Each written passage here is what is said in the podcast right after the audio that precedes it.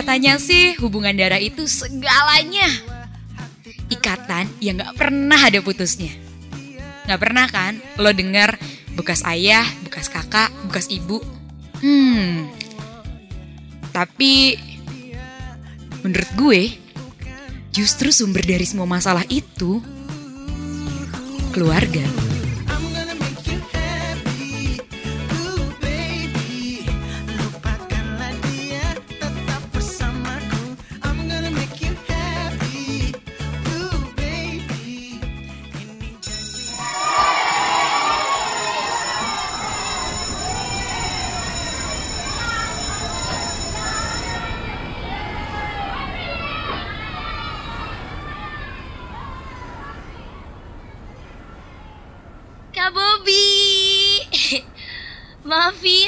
Maafin, maafin, aku lama ya. Tadi keluar kelas diajak ngobrol dulu sama dosen. Eh, Kak, katanya aku punya peluang gede loh buat dapetin beasiswa. Happy gak sih? Oh iya dong happy. Eh, tar dulu deh. Emang beasiswa apaan sih yang kamu terima deh? Kak, itu loh. Itu itu yang kemarin aku ceritain. Beasiswa pertukaran pelajar gitu. Tapi mau tahu gak sih ke mana? Ke mana? Ke Rusia please, lumayan banget gak sih? Aduh, adik aku nih jagoan banget deh. Habis ini kita langsung party dong. Ada siapa dulu dong? Ih, tapi udah ah, jangan diomongin ntar malah nggak jadi. Eh hati-hati loh omongan doa deh. Iya, amit-amit ah. Amit amit gimana? Daripada amit amit cabut aja yuk. Kakak lapar banget nih. Bukan, kakak tuh yang dipikirin cuma makan mulu, makan mulu. Ya nggak apa-apa makan, tapi ditraktirnya sama anak Rusia kan. Maunya kan? Ya gitu. Di keluarga gue, gue paling dekat sama kakak gue. Wajar kali ya, soalnya kita cuma dua bersaudara. Papa emang sering keluar negeri. Kebetulan, mama udah meninggal waktu gue umur 7 tahun. Jadi, ya rumah kosong. Cuman gue sama kakak gue. Oh iya, nama gue Maya. Umur gue 19 tahun. Gue baru masuk kuliah sih. Kalau mau dideskripsiin badan gue, badan gue itu mungil-mungil sekel gimana gitu. Ya bisa dibilang gendut sih. Eh bukan bukan bukan. bukan gendut. Mungkin lebih ke montok kali ya. Atau mateng lah kalau kata kakak gue. Siap dipetik katanya. Aduh emang sialan sih Bobby itu. Oh iya Bobby itu kakak cowok gue. Dia kakak gue satu-satunya. Dia kuliah di salah satu perguruan tinggi negeri di daerah Bandung Kota. Menurut gue sih Doi ganteng. Nurun banget dari Moka. Menurut gue sih Doi ganteng. Nurun banget deh mukanya bokap ke dia.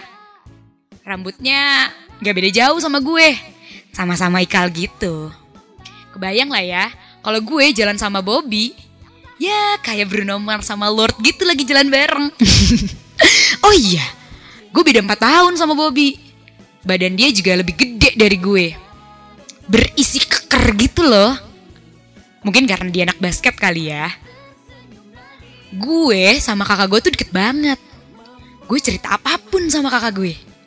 Abis dia ngerti gue banget sih. Ya kita saling cerita satu sama lain jadinya.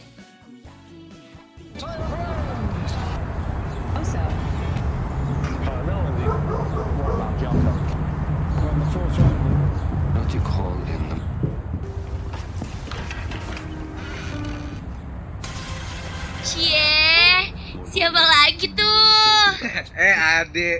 Ih, lu kepo banget sih. Nih, kenalin. Temen aku, Lala namanya. Halo Kak Lala, Maya. Eh bentar-bentar. Kok yang ini beda ya sama yang kemarin-kemarin? Yeay, mulai kan. Enggak deh. Tenang, tenang Kak Lala. Kak Bobby pokoknya the best banget deh. Dijamin puas. Dan gak nyesel. Garansi deh pokoknya. Ih, apaan sih kamu, Dek? Udah, tidur sana anak kecil. Iya, iya bentar lagi. Makanya, Kak, nanti mainnya jangan berisik ya. Nah, kan, kan, mulai kan nih. Ini si cinta monyet nih mulai kan nih. Ih, main ngebalikin aja kan. Anak kecil tahu apaan sih? Udah lah, kita kamar aja yuk lah. Dadah. Ya, uh. Si Kak Bobby ini emang doyan banget bawa cewek ke rumah. Lo pasti tahu dong mereka ngapain setelahnya. Ya, mirip banget sama si Papa. Suka bikin sumber-sumber suara berisik gitu loh. ya ganggu sih, super ganggu malah. Abis kalau gue lagi belajar, jadinya keganggu. Padahal nih ya, kamar Kak Bobby jauh banget sama kamar gue. Tapi suka bikin pusing sendiri. Ih, ganggu banget. Oh iya, tapi gue punya feeling nih. Kalala ini kayak pacar benerannya deh. Habis nempel mulu kayak perangko. Oh, tapi malam itu beda. Malam itu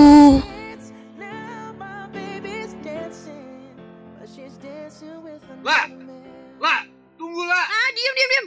Gila ya, kamu tuh gila tau nggak? lah, gak kayak gitu. Kena, aduh, lepasin, lepasin nggak tangan gue?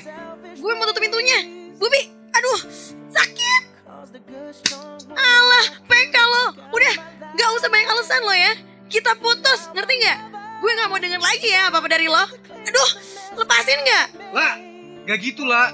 Ya maafin aku, itu kan masa lalu aku. Eh, gue tanya ya, gue yang keberapa? Hah? Gue yang keberapa? Ah, Jawab gak lo? Gak bisa jawab kan lo? Bangsat emang. Jangan pernah hubungi gue lagi ya. Kita gak saling kenal. lah, lah. I should have bought you flowers and held your hand. Should have gave you all had the chance. Take you to every party 'cause all you wanted to do was ternyata Kak Bobby putus sama Lala. Alasannya sih katanya Kak Lala nggak bisa nerima kalau dulunya Kak Bobby ini PK. Ya penjahat kelamin gitu. Iya, jadi ternyata Kak Lala itu ngepoin semua history chat BBM-nya Kak Bobby. Aduh, kasihan ya Kak Bobby. Sekalinya dia pengen berubah, pengen serius, malah diginiin. Udah dua minggu yang lalu sih kejadiannya. Cuman situasinya gue sama Kak Bobby jadi awkward gitu. Jadi kagok gitu loh kalau mau ngapa-ngapain. Ya di rumah jadi aneh gitu. Mm-mm, dia nggak pernah cerita-cerita lagi sama gue. Mungkin masih trauma kali ya sama kejadian kemarin. Malam itu gue beraniin diri buat deketin Kak Bobby. Ah gue samperin aja deh kamarnya. Rencananya sih pengen ngajak ngobrol. Abis capek kalau gini-gini mulu.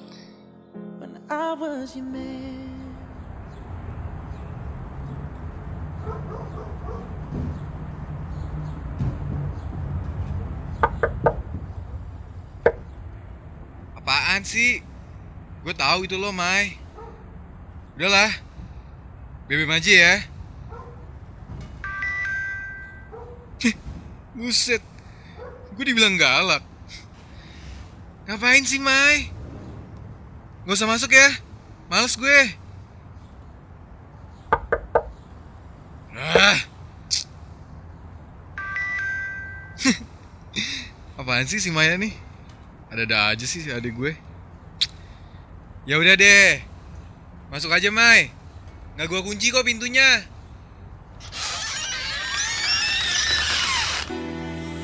Aku masih di sini untuk setia.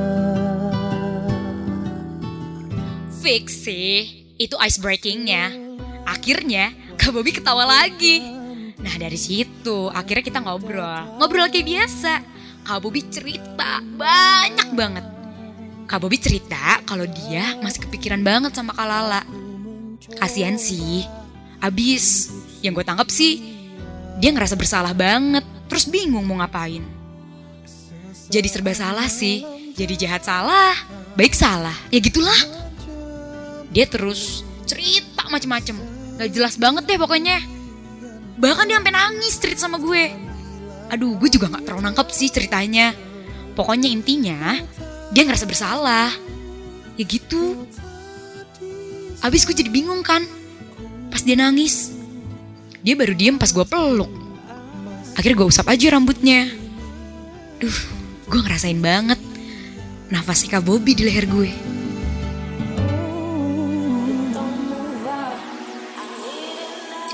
Kak, Kak tenang ya. Kenapa sih? Hei, semuanya bakal baik-baik aja kok. Ya aku tahu tapi ya aku mau gimana lagi? Dengar deh, yang penting niat kakak kan baik. Kak, lagian masih banyak kok yang sayang sama kakak. Siapa? Maya juga kali. Ya jadi jangan takut lah. Dan lagian masih banyak kok yang mau nerima kakak apa adanya. Beneran. Ya bener lah. Jadi tenang ya. Masih ada ya? Kak, kalian aku geli. Apaan sih?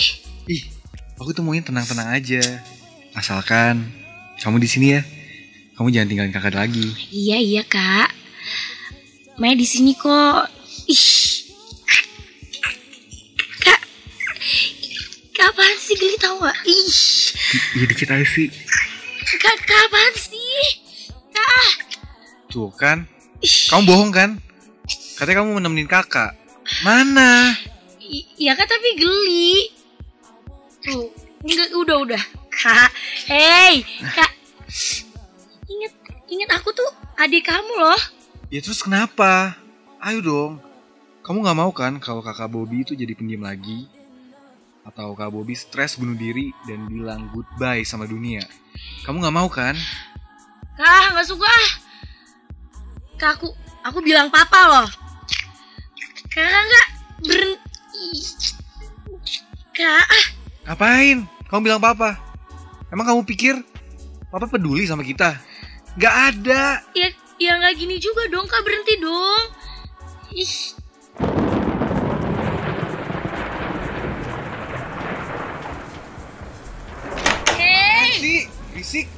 sih? Kak jangan macam-macam dong. Jelas, sekali aja, Mai. Cuma kita berdua di kamar Gak ini. mau, gak mau ah. Masa sih kamu gak mau nolongin kakak? Kamu tega ya sama aku ya? Gak mau, gak mau, gak mau. Gak kayak gini caranya kalau aku mau nolongin. Kak, nggak, nggak, kak geli. Apa sih tuh kan? Ya, Tuh, kak, kak, ah, ah, lepasin ah.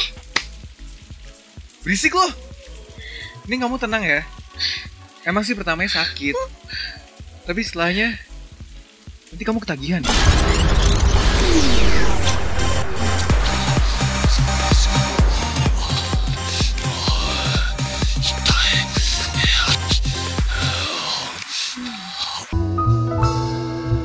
Gila ya, adanya sendiri diembat. Gue bukannya gak mau ngelawan, gue udah kelawan banget. Awalnya gue udah ngamuk-ngamuk banget. Tapi mau gimana? Kunci diumpetin, di sana hujan super gede. Mau teriak pun, ya percuma. Gak ada yang dengerin gue. Gue bingung, di situ gue bingung banget. ya, pada akhirnya insting biologis gue yang menang. Kejadian ini tuh gak cuma sekali. Kita ngelakuinnya berkali-kali. Kapan pun ada kesempatan, kita pasti ngelakuinnya. Udah kayak kebutuhan sehari-hari gitu. Main aman sih tetap di luar. Dan orang juga gak akan ada yang curiga sama kita. Kan kita emang deket. Gue nggak tahu ya, kenapa setiap Kak Bobby minta, gue tuh nggak bisa nolak. Gue tahu sih ini salah, tapi gue nggak mau bikin kakak gue seler dulu, atau mungkin gue nggak mau bikin dia sedih terus. Aduh, jangan sampai deh. Ya seenggaknya kalau sama gue dia aman. Iya, aman dari penyakit yang semacamnya deh. Tapi, ya sepintar-pintarnya nyembunyiin bangkai, pasti kecium juga kan baunya.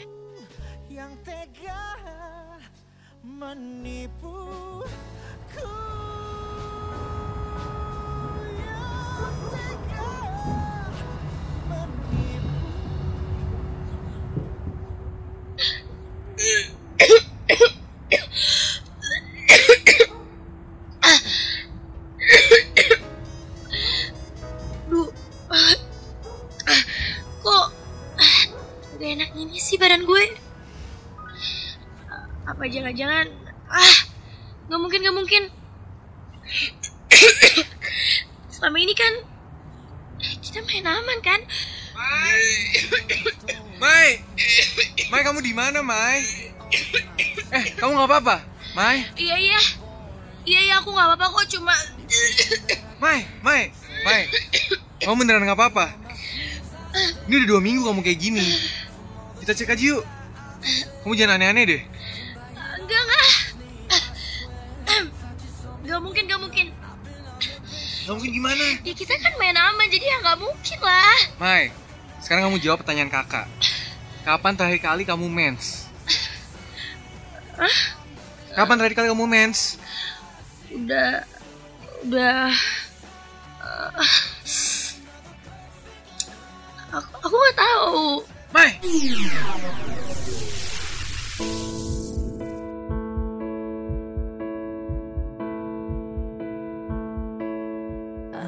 Iya gitu. Aduh, bego banget gue. Gue baru sadar kalau gue udah telat satu bulan. Dan selama sebulan ini, kita masih rutin ngelakuinnya. Ya mana gue tahu kalau nggak mual-mual gini juga gue nggak akan sadar. Aduh. Setelah debat lama sama Kak Bobi, Kak Bobi maksa gue buat ngecek. Gue juga awalnya ragu dan takut Akhirnya kita beli test pack. Sampai 10 biji. Saking takutnya gue. Kita coba terus-terusan. Dan hasilnya gak berubah. Gue positif. Gue bener-bener gak percaya. Gue gak percaya kalau gue positif. Gue maksa ke Bobby. Gak mau tahu, pokoknya dia harus nganterin gue ke dokter. Soalnya gue bener-bener gak percaya kalau gue positif tapi tapi hasilnya hasilnya tetap sama gue gue positif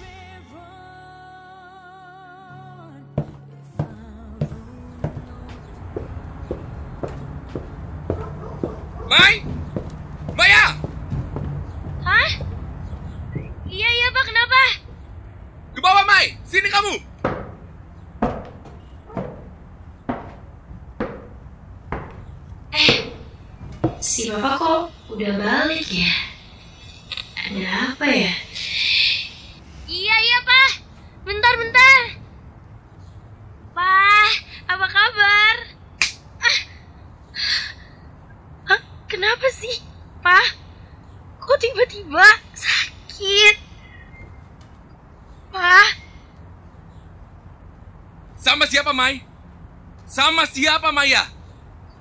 apaan sih? Pak, kenapa? Ah, kok lempar aku? Gak usah pura-pura Mai. Sama siapa ha? Sama Sama aku, Pak! Apaan ini? Kamu ikut-ikutan. Jadi kakak tuh gak becus. Ngurus ada satu aja gak bisa. Pak, udah dong, Pak, udah. Nah, Mai! Sama siapa Mai? Itu anak aku, Pak! Ah!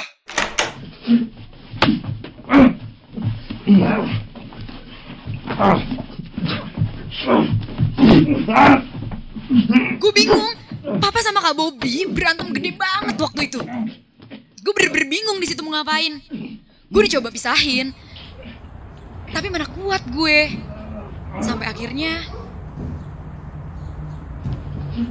Tolong! Tolong!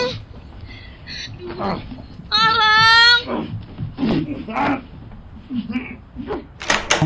Gue lari ke depan dan teriak buat minta tolong. Ya pokoknya siapa pun, please pisahin papa sama Kak Bobby. Aku gue udah gak peduli deh siapa pun, please tolong pisahin mereka. Papa sama Kak Bobby nyusul gue. Mereka nyusul gue karena ngeliat gue lari buat cari pertolongan. Tangan gue dipegang. Mulut gue dibekap sama papa sama Kak Bobby. Dan akhirnya gue diseret ke dalam rumah. Papa akhirnya ngunci pintu rumah dan Kak Bobby ngedudukin gue di kursi dan nyuruh gue buat relax. Gak enak katanya sama tetangga. Tapi ternyata mereka malah berantem lagi. Uff, gimana ya? Di satu sisi, gue ngerasa bersalah banget. Tapi di sisi lain, ya mau gimana lagi? Semua ini udah kejadian gitu.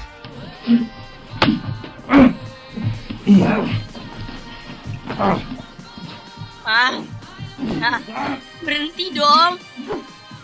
Apa perlu aku mati dulu ah? Biar kalian berhenti. Biar hilang aja masalahnya. Mau? Hah? Maya, Maya, taruh Maya. Jangan gila kamu Maya. Mai, kamu taruh pisaunya, Mai. Kamu taruh.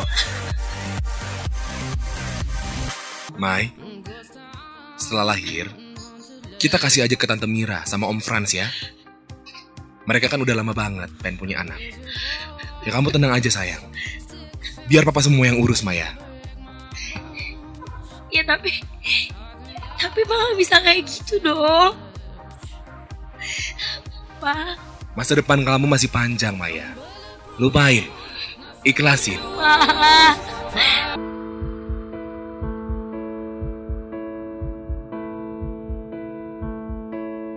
In